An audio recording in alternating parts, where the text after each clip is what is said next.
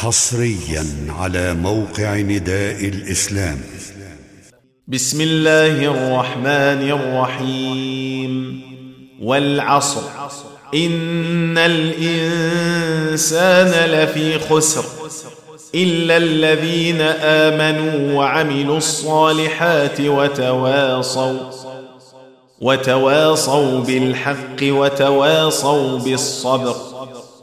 تم تنزيل هذه المادة من موقع نداء الإسلام www.islam-call.com